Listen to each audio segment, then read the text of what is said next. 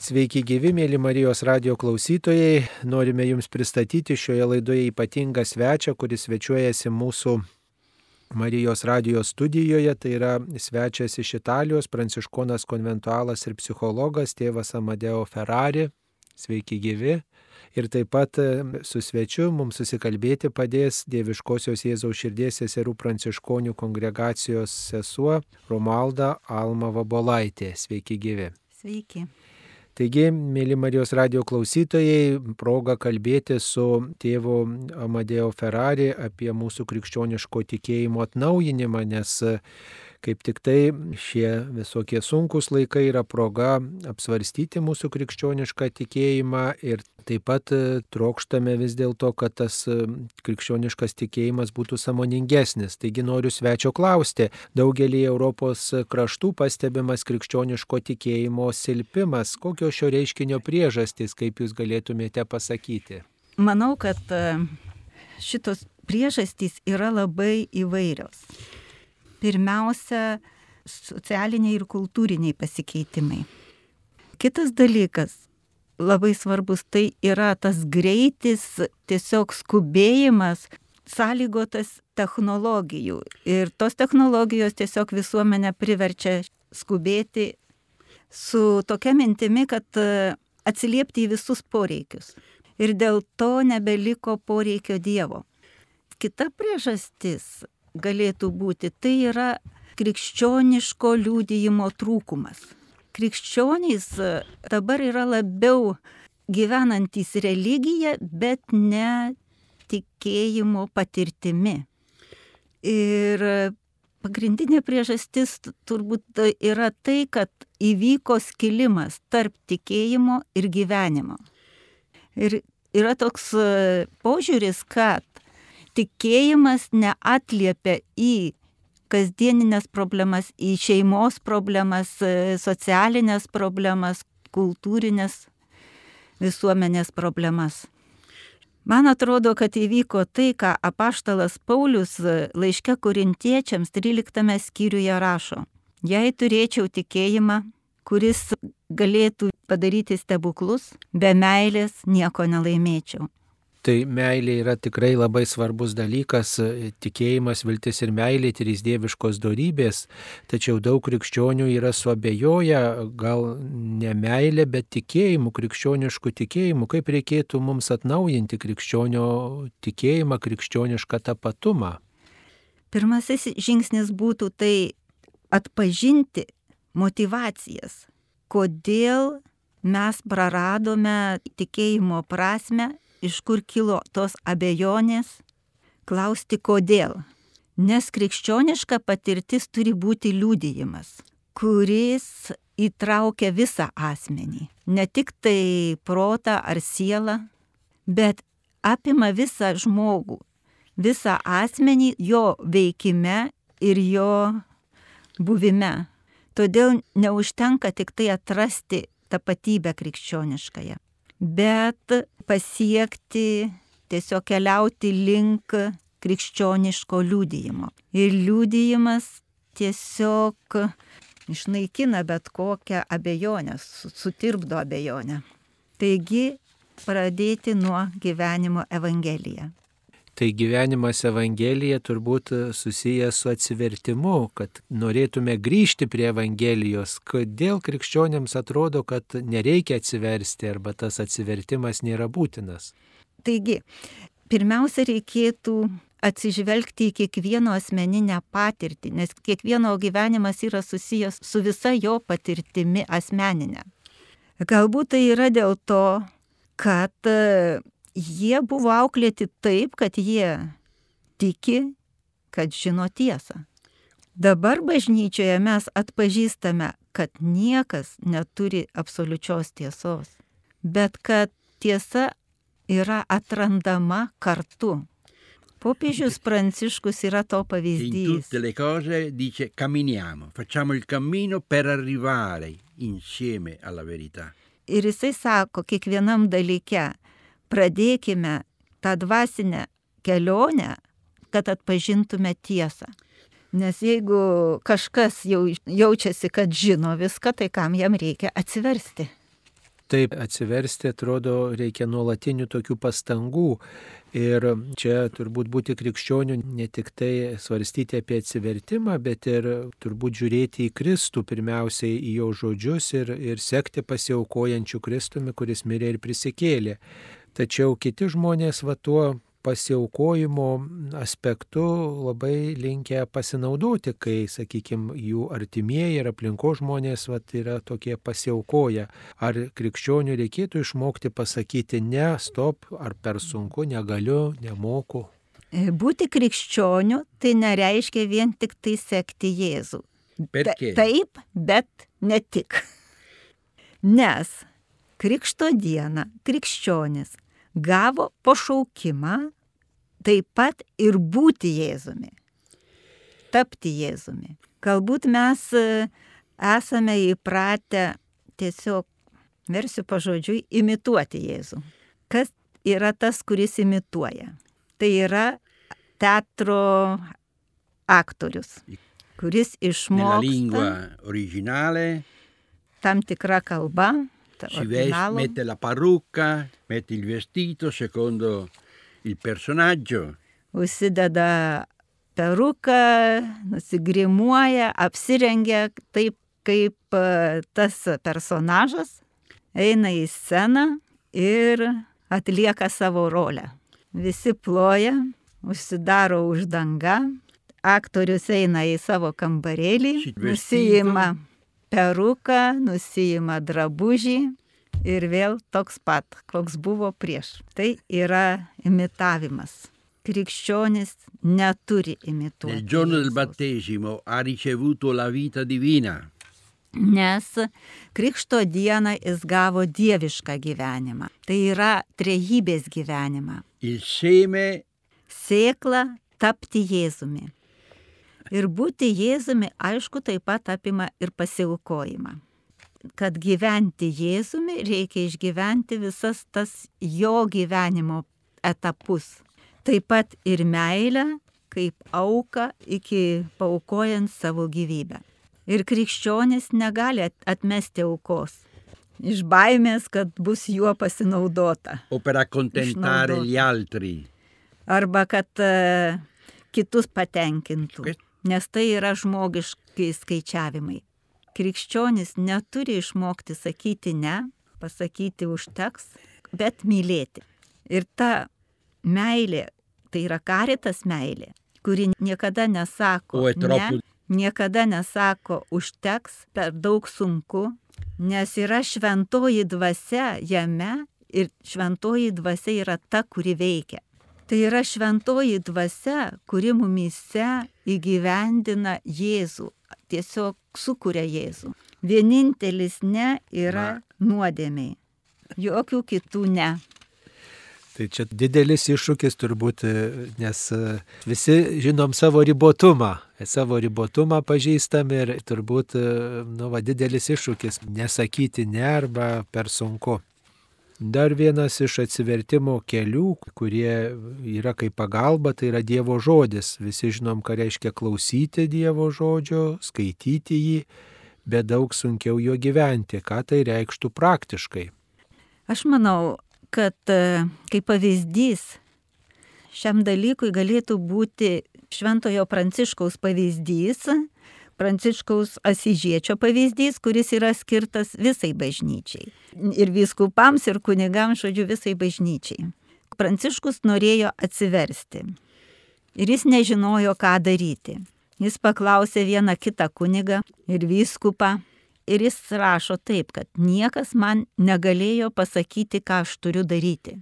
Ir jis rašo, aukščiausias man tai atskleidė, kad aš turiu gyventi pagal šventąją Evangeliją. Ir ne tam, kad e, būtų pranciškonas, bet kad būtų krikščionis. Ir jis e, pačiam pirmajam regulos skyriuje parašė, kad pirmoji regula, pirmoji taisyklė yra gyventi šventąją Evangeliją. Ne skaityti, bet gyventi. Tai reiškia, tarp įvairių būdų prisertinti prie Dievo žodžio, skaityti, studijuoti, gilintis teologinių lygmenių, visais kitais lygmenimis, ėmėme ir užmiršome pagrindinį dalyką, tai yra gyventi Evangeliją. Ką reiškia gyventi Dievo žodžiu? Man buvo labai svarbu atpažinti, kad aš turiu pasiimti vieną sakinį Evangelijos ir juo gyventi, ne visą Evangeliją iš karto. Nes Dievo žodis yra gyvenimas ir dvasia. Ir tik gyvenant jį galima suprasti, nestudijuojant. Ir atpažinimas, kad kiekvienas žodis Evangelijos yra Eucharistijos dalelė. Tai yra Jėzaus dalelė. Vienoje katechezija šventasis Augustinas klausia krikščionių, kaip jums atrodo, kas yra svarbiau, ar Jėzus esantis Eucharistijoje, ar Jėzus esantis Dievo žodyje. Jeigu norėtumėt atsakyti teisingai, turėtumėte pripažinti, kad tai yra tas pats. Ir tęsia, taip kaip jūs esate labai atsargus ir dėmesingi, kad nei mažiausia Eucharistijos dalelė nenukristų ant žemės ir nebūtų sutripta, lygiai taip pat ir kiekvienas Dievo žodis neturi kristi į mūsų širdį, neneždamas vaisių. Gyventi tai reiškia, kad įvairiose kasdieninėse situacijose, šeimoje, sakykime, su giminaičiais, draugais, visame, kur mes gyvename, mes turime pasirinkti Dievo žodį. Pavyzdžiui, galim pasirinkti, ką padarėte vienam iš mažiausiųjų, man padarėte. Ir tuomet, gyvendama šituo žodžiu, aš galvoju, kaip aš elgsiuosi su vyru, žmona ir panašiai, nes tai yra Jėzus. Arba pavyzdžiui darbe, kur mano direktorius man, man sako pastabą ir man norėtųsi atsikirsti, bet, bet tai yra Jėzus. Ir e, kaip aš tada reaguoju. Ir teko susitikti parapijose bendruomenės, kurios pasirinkdavo gyventi tam tik tikra Evangelijos citata ir paskui kas savaitę arba kas dvi susirinkdavo ir pasidalindavo tuo Dievo žodžiu, kaip jiems tai sekėsi įgyvendinti praktikoje. Ir gana greitai bendruomenė pasikeisdavo. Nes tada krikščioniškas gyvenimas pradeda cirkuliuoti bendruomenė. Ir šiandien po antrojo Vatikano susirinkimo, kada yra kviečiama bendrystės dvasingumui, yra labai svarbus dalykas dalintis, nes tada prasideda ta cirkuliacija viduje. Tam, kad e, mes, kaip sakyt, tikėtume tuo Dievo žodžiu, kad jį priimtume kaip svarbu, kaip reikšminga, mums tikrai reikia tokios tikėjimo dovanos, reikia to gilesnio maldos gyvenimo, kas gali sustiprinti mūsų tikėjimą ir maldos kelią. Jeigu yra tiesa, kad Dievas yra meilė, žmogus, kuris yra Dievo meilės paveikslas, taigi paveikslas atspindi tikrovę, tai yra meilės atspindys. Tarp Dievo ir tikinčiojo yra meilės ryšys. Kai mylime meilėje, mes neklausėme savęs, kokiais būdais mes turime parodyti tą meilę, ar ten apkabinimu, ar pabučiavimu ir taip toliau bet mes auginame meilę. Ir meilė atras, kokiu būdu ji gali pasirodyti. Nes tam, kuris myli, nėra tos būtinybės galvoti, kaip tą ar kitą padaryti, bet tiesiog, kai ateina laikas, tiesiog jeigu jam reikia melstis, jis melstis, jeigu jam reikia kažką kitą daryti, jis darys, bet tai išplaukia iš meilės. Ir kad sutvirtinti, auginti tikėjimą ir maldą, tiesiog reikia auginti meilę. Ta karitas meilę, karitatyvinę meilę. Ką galėtume pasakyti apie atmintį? Ar atmintis e, padeda auginti gilesnį tikėjimą? Pirmiausia, kad e, pastebėti, tiesiog atpažinti Dievo veikimą savo gyvenime ir e, taip pat e, bažnyčios ir žmonijos e, patirtyse, pirmiausia, turiu sutikti Dievą. Tiesiog patirti Dievą. Aš prisimenu savo patirtį. Aš galvojau, bent jau galvojau taip, kad tikrai esu tikintis eidavau į mišes, priimdavau komuniją ir panašiai. Ir vieną dieną skaitydamas apaštalo Jono pirmąjį laišką, kur yra sakoma, Dievas yra meilė ir kas nemyli, tas jo nepažįsta, patekau į krizę, nes aš nemylėjau. Ir tuomet aš savęs paklausiau, tai su kuo aš iki šiol, su kuo aš iki šiol kalbėjau, su kuo kalbėjau. L'amore si sperimenta.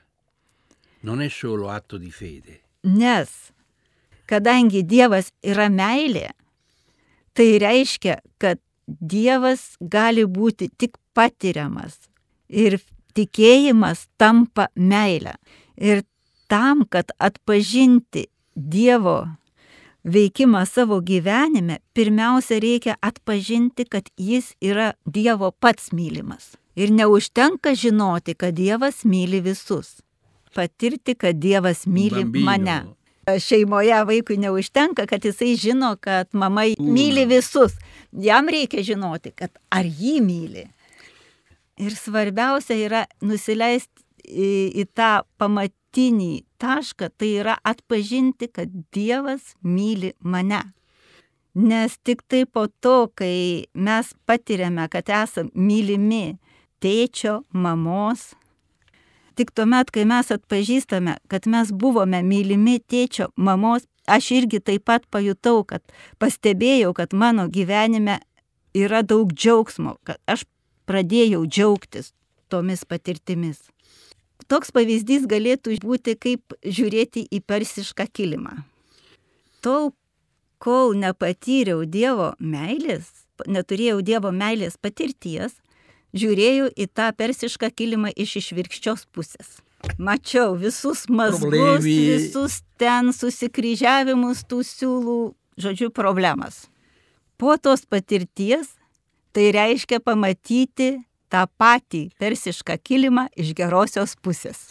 Tai yra stebuklas. Un'armonia. Grožis. Ci sono harmonija. sotto, però appunto, dopo aver scoperto che Dio mi ama, Dio vede il diritto, Dio non vede il rovescio. Yra ta apačia. Bet po Dievo meilės, kaip meilės patirties yra geroji pusė. Ir Dievas į mus žvelgia iš gerosios pusės. Bet e, žmonės turbūt e, žino gal protu šitai, kad Dievas mane myli, kažkaip supranta, bet iki širdies gal tas nenusileidžia. Popiežius Pranciškus sako, kad mes, kai klausome Dievo žodį, jie eina per ausis, patenka į, į galvą mintis, po to turi keliauti į širdį ir iš širdies į rankas. Jeigu cristianesimo è questa realtà completa, totale, deve arrivare alle opere. San Giacomo dice mostrami la tua fede senza le opere, io ti mostrerò le opere. Nes jeigu Dievo žodis sustos tik mūsų prote galvoje, nieko nebus. Jau apaštalas Jokūbas sako, kad tikėjimas reiškiasi darbais. Ir šiandieniniai visuomeniai neužtenka to abstraktaus tikėjimo. Na, bet mes tikėjime ieškom tokio patogumo, štai dabar ir šių laikų tokie iššūkiai buvo, kad e, mus tiesiog pandemija įpratino žiūrėti liturgiją per ekranus, televizijos ekranus, kokie tie gilesni motyvai galėtų žmonės paskatinti grįžti prie įprasto dalyvavimo mišiuose, o ne žiūrėti, kaip čia man patogiau likti namuose. Ar čia irgi tas meilės Dievui motyvas, kad ar tikrai myliu viešpatį, ar tikrai noriu jį priimti su juo kuo intimiau susitikti, ar dar kažkas kitas. Taip pat tai nutiko ir Italijoje. Ir manau, kad tai atsitiko visur. Nes iš tikrųjų tiek Italijoje, tiek Europoje bažnyčios yra tuščios. Iš tikrųjų yra tai, ką jau anksčiau sakiau, trūksta Dievo patirties. Nes tikintysis iš naujo atras tą troškimą eiti į bažnyčią ir susitikti su Dievu. Ir kad tai įvyktų, reikia pereiti iš tikėjimo į Dievą į Dievo patirtį. Bet to nieko, ne, ni- nieko kitaip nebus. Ciascuno ha bisogno di incontrare qualcuno che vive questa esperienza di Dio. Ir tam reikia, kad kitas žmogus sutiktų asmenį, kuris jau turi Dievo patirtį. Ateiti į bažnyčią, tai yra pasiekmė jau. Nes tam, kad norėti ateiti į bažnyčią, jau turi būti santykis su Dievu ir kad tą santykį norėti sustiprinti, susitinkant su Dievu bažnyčioje, su Dievu dar kartą ir su broliais. Gandhi perskaitęs Evangeliją. Jis tikėjo Evangeliją, bet jisai sakė, aš tapsiu krikščioniu tuo met, kai sutiksiu krikščionį, kuris gyvena Evangeliją. Ir jis netapo krikščioniu. Tai gaila, kad netapo krikščioniu, nes nesutiko to, kuris gyventų pagal Evangeliją, bet tai galbūt mūsų nuolatinio gyvenimo siekinys. Taigi gal šio laikinės bažnyčios praktikos, tuo, kuo gyvena dabar bažnyčia, tas maldos ritmas, tie pamaldumai, gal jie šių laikų žmonėms yra nepriimtini, per sunkus, nekalba, gal dėl to tos bažnyčios yra tuščios. Kad iš tikrųjų suprasti tų religinių praktikų prasme, pirmiausiai turi gimti bendruomenė krikščioniška. Nes krikščionybė yra bendruomeninė tikrovė. Ir apaštalų darbuose nekalbama apie individualią patirtį. Tai yra bendruomenė. Bendruomenė, kuri Ura. turi vieną širdį ir vieną sielą. Ir šita bendruomenė yra pirmoji krikščioniška bendruomenė, kaip bendruomenė visuomet. Ir jeigu aš noriu, kad žmonės brangintų sakramentus, visas kitas praktikas, pirmiausiai jie turi patirti bendruomenę krikščionišką. Ir e, iš tikrųjų reikia mokyti krikščionis, kad jie tarpusavyje gyventų tą karitas meilę ir dalintųsi. Dalintųsi, sakykime, ir suneždami savo gėrius į bendrą, bet ypač ir įsiklausydami, išgirsdami vienas kitą, priimdami vienas kitą ir gyvendami tuo pirmuoju Jėzaus didžiuoju įsakymu. Ir aš pažinojau bendruomenės, kurios pradėjo taip gyventi kaip krikščionys. Jie suneždavo savo turtus į vieną, taip pat savo problemas spręsdavo kartu. Ir tie žmonės, kurie iki tol save laikė ateistais, kai jie patyrė tą bendruomenės meilę, kiekvieną dieną pradėjo eiti į mišes, į Eucharistiją. Ir manau, kad pirmiausia, bažnyčioje bendruomenės turėtų atrasti tą tarpusavio meilę ir tik po to kalbėti apie religinės praktikas. Paulius VI vienoje Romos parapijoje homilijoje taip sakė. Esame čia vienas šalia kito alkūnė į alkūnę. O kaip yra mūsų širdyse? Ar ten yra meilė, tas e, gailestingumas? Nes kitaip Euharistija neturi prasmės. Nes tuomet Euharistija neišreiškia to, ką turėtų išreikšti.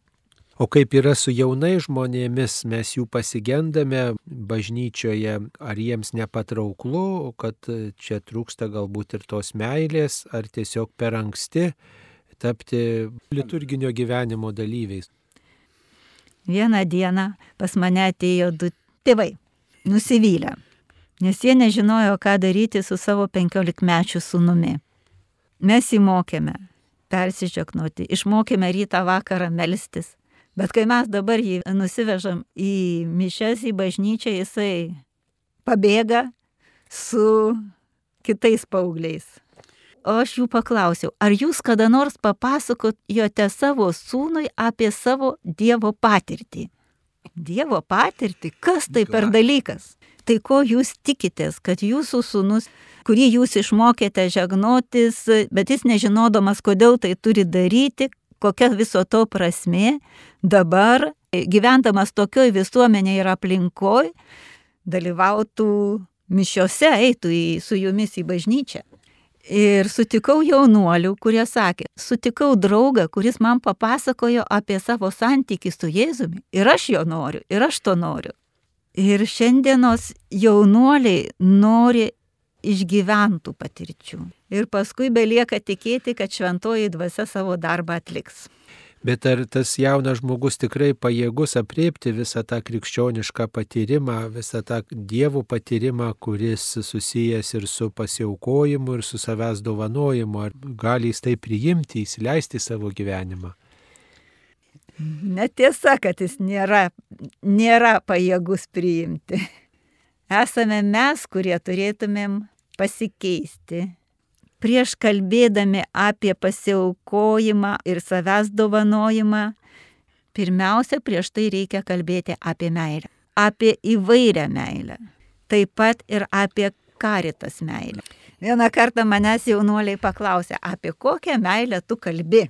Taip yra žmogiška meilė, kuri yra graži, emocijos, visa kita, bet taip pat yra ir kita rūšis meilės, tai yra ta karitas dieviška meilė.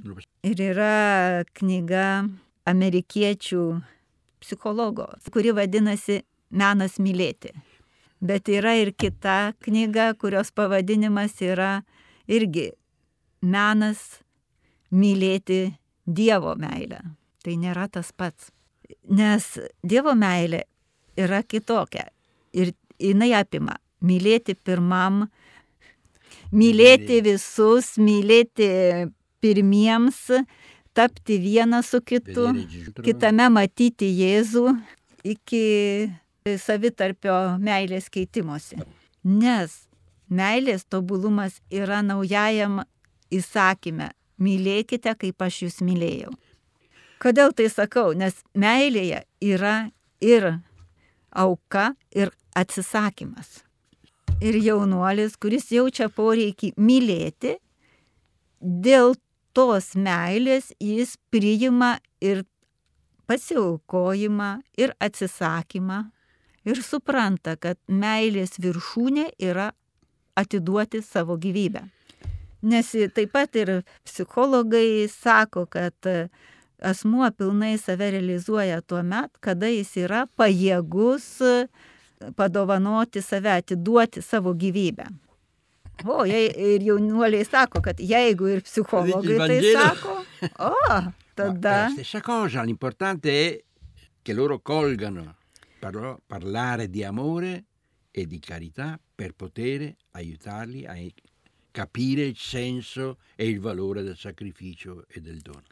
Ir pirmiausia, jie turi išgirsti, kalbant apie meilę, kad priimtų tiesiog mūsų kalbėjimą apie auką ir savęs dovanojimą. Turbūt ne tik išgirsti apie meilę, bet ją patirti, bet mes pavargsta mylėti turbūt. Remiantis dabar antropologija, dabartinis šio laikinis vienas iš antropologijos principų yra dabar toks, kad jeigu myliu, vadinasi esu. Jeigu nemyliu, kad ne, nesu, tai yra netampu asmeniu.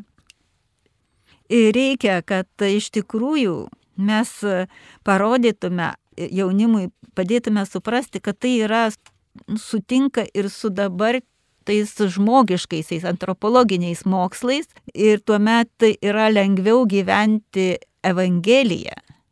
Ir gali būti, kad tam tikrais laikotarpiais mes iš tikrųjų ateis momentai, kai mes jausim labiau tą meilės svorį, tą auką. Italų kalboje yra toks priežodis. Taip. Tarp pasakyti ir padaryti, tame tarpe yra jūra. Tuo norima pasakyti, kad galbūt tu pasiryžai, bet kažin ar tu tą padarysi, pasieksi. Bet tai yra pagoniškas priežodis nekrikščioniškas. Per un cristiano. Aha, krikščioniui tarp pasakyti ir padaryti viduryje yra pradėti iš naujo. Esu pavargęs ir taip toliau, bet aš galiu pradėti iš naujo. Taip labai įdomu, kad mes kviečiami iš naujo pradėti, net jeigu ir kaip nesiseka, tačiau vis tiek krikščioniškas tikėjimas jisai savotiškai pastatomas prieš visuomenės vartotojiškumo, patogumo, pramogų, tos jūros, kaip vad sakote, ir, ir tas vis iš naujo pradėti mm, tikėjimo kelionę nelengvas iššūkis, nes krikščionių sekmadienį, daugelis krikščionių sekmadienį pasirenka šitą lengvesnį kelią vartoti pramogos, o ne pamaldos. Jėzus per paskutinę vakarienę meldėsi. al Padre. Meldėsi tėvui. Jis sakė, kad mano mokiniai pasiliktų pasaulyje, bet nebūtų pasaulio, nebūtų pasaulio kultūros. Tai krikščioniškam gyvenimui yra didžiulis iššūkis - pasilikti tam pasaulyje tarp tų visų konsumizmų ir visokių kitokių izmų, bet jų neprisijimti, jais negyventi. Ir aš sakiau, kad e, tai Jėzus prašo neįmanomo dalyko. Nes jeigu aš gyvenu tokiose aplinkybėse, kur yra malarija, aš susirgsiu. Kaip krikščionis e, gali nesusirgti? tai reiškia, Cristiana. kad jis turi gyventi krikščioniškoj bendruomeniai. Panašioj kaip e, pirmųjų krikščionių. Anche i primi cristiani. Taip pat ir pirmieji krikščionys gyveno taip pat tarp įvairių problemų, tarp žydų, tarp pagonių. Ir ką jie darydavo? Jie sugrįždavo į savo krikščionišką bendruomenę ir ten svarstydavo, tardavosi, kaip su tom problemom susitvarkyti. Ir krikščionys, e, gyvendami susitiktami didesnėse ar mažesnėse bendruomenėse, mokosi. Mokosi, aišku, nebe klaidų, bet vis mokosi, kaip gyventi pagal Evangeliją ir netapti pasaulio.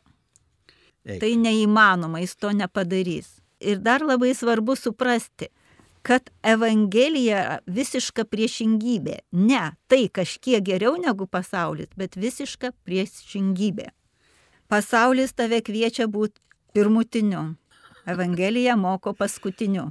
Pasaulis kviečia būti gerbiamu, pasiekti aukštą įsilavinimą, laipsnius ir taip toliau. Evangelija sako, turi būti tarnas. Pasaulis atmeta mirtį, kančią, skausmą, tiesiog atmeta. Ir krikščionys tiesiog žvelgdami į Jėzų, kuris prisėmė mirtį ir kančią, tiesiog padeda vieni kitiems, ne, neištveria, bet tiesiog padeda vieni kitiems nešti tą skausmo naštą kartu, nes iš tikrųjų krikščionybė yra visiška priešingybė, priešingybė pasauliui. Bet labai daug tokio, žinot, ir toj bažnyčiai, tokio individualizmo, kaip reikėtų tas samoningesnės bendruomenės auginti, va, kai žmonės gal atėjo, dalyvavo mišiuose, jo mišios išėjo, paslaugą priėmė ir viskas. O kaip va, telkti, burti žmonės. Krikščionys turėtų būti mokomi patirti tą buvimo kartu džiaugsmą, nes dabar dažnai krikščionys galvoja, kad krikščionybė yra dovana man. Kad e, aš būčiau geresnis, šventesnis, bet aš būčiau šventesnis. Tai nėra krikščionybė. Cristianesimo è essere corpo. Krikščionybė yra būti kūnu, būti bendruomenė ir patirti džiaugsmą Didare. dalintis. agli altri. Patirti džiaugsmą dalintis ir dovanoti kitiems.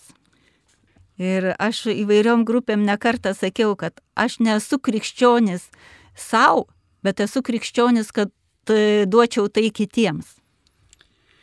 Ir e, iš tikrųjų tam reikia bent jau mažų bendruomenių, kuriuose būtų galima patirti tą džiaugsmą ir tuomet, e, kai ta bendruomenė patirs džiaugsmą, jinai bus pasiruošus priimti kitus ir e, kad jie ten patirtų džiaugsmą. Sėkminių patirtis nebuvo individualių mystikų patirtis, bet grupės kūno patirtis. Ir jis sako, kad ateities dvasingumas yra bendrystės dvasingumas. Tai, ką mums sako ir Vatikano antrasis susirinkimas. Tai nepaisant tos bendrystės dvasingumo, vis tiek bažnyčia susiduria su tokiu iššūkiu, kai labai trūksta pašaukimų į kunigų ir vienuolių mažėjimą. Koks galėtų būti atsakas, kaip Jūs manote, ir mūsų krašte jau tai pamažu tampa iššūkiu. Pradėkime iš pradžių, nes pašaukimai tai yra Jėzaus dovana, ne mes duodam juos. Ir Jėzus yra bendruomenėje.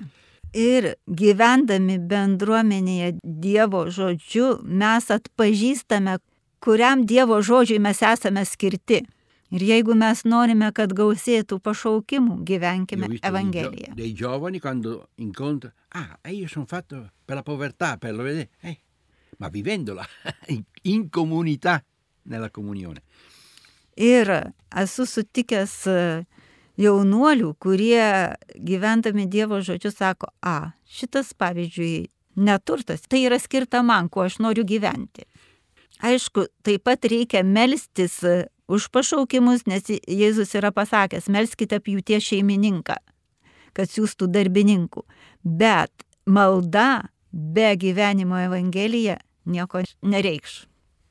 Ką dar galėtumėt pridėti prie to, kas pasakyta? Čia, kaip matote, bažnyčia iš šalies, ar kaip jai reikėtų prabilti žmonių širdis visame pasaulyje, galbūt ir mūsų tėvynėje Lietuvoje. Aš pastebėjau, kad Lietuvoje ir sutikau, kad yra labai daug žmonių, kurie yra gražus, gilaus tikėjimo lyginant su mumis, bet. Bet jiems reikia bendruomenės patirties. Ir yra labai svarbu bendruomenė. Ir kunigams sakiau, kad kunigai yra skirti tam, kad pagimdytų bendruomenės, o ne vien švestų sakramentus, bet pagimdytų bendruomenės. Ir kadangi man teko keliauti po pasaulį ir iš tikrųjų teko susidurti su įvairiom kultūrom, įvairių bažnyčių patirtimis. Ir vienoje tautoje manęs paklausė, kokiam taške dabar yra mūsų bažnyčia. Ir aš atsakiau, bažnyčia sustojo didžiajam penktadienį. Jis nepasiekė Velykų. Krikščioniui vien tik tai didysis penktadienis e, neegzistuoja. Tai yra tik perėjimas, bet ne pabaiga. Ir vienoje Velykų homilijoje manęs tuomet paprašė pasakyti ją. Aš pasakiau, šiandien švenčiame, nes Jėzus prisikėlė. Ir sako, taip, taip, e, bus e, pietums e, šampano butelis ir saldumynas toks itališkas. Bet aš tada atsakiau, kad apaštalas Paulius sako, kad ne vienas Jėzus prisikėlė, bet visas mistinis kūnas, tai reiškia, kad ir mes. Reiks kito, kito šampano butelio ir kito to saldumino. Poi ho detto, nei 40 giorni dopo la Pasqua, Gesù è apparso agli apostoli, ha mangiato i pesciolini, il pane, perciò aveva un corpo. Ir Dove andavano a finire questi? Figurato, ma aveva un corpo. Ir sekančias 40 dienų Jėzus valgė žuvis, duoną. Tai yra, jis turėjo kūną. Taip, perkeistą kūną, bet jis turėjo kūną. Ir ar jūs girdėjote per tas 40 dienų, kad Jėzus bent kartą būtų pasakęs, ar jūs žinote, ką man padarė, mane plakė, mane vainikavo ir škiečiais. Tai ar tai buvo tiesa ar ne? Taip, tai buvo tiesa. Bet tai buvo tik tarpinė grandis, kad taptumėm ir gyventumėm kaip prisikėlę. Bažnyčia turi ateiti į Velykas. Krikščionybė turi pereiti į Velykas, kad būtų tikra E krikščionybė. concludo con questo. Ir užbaigiu.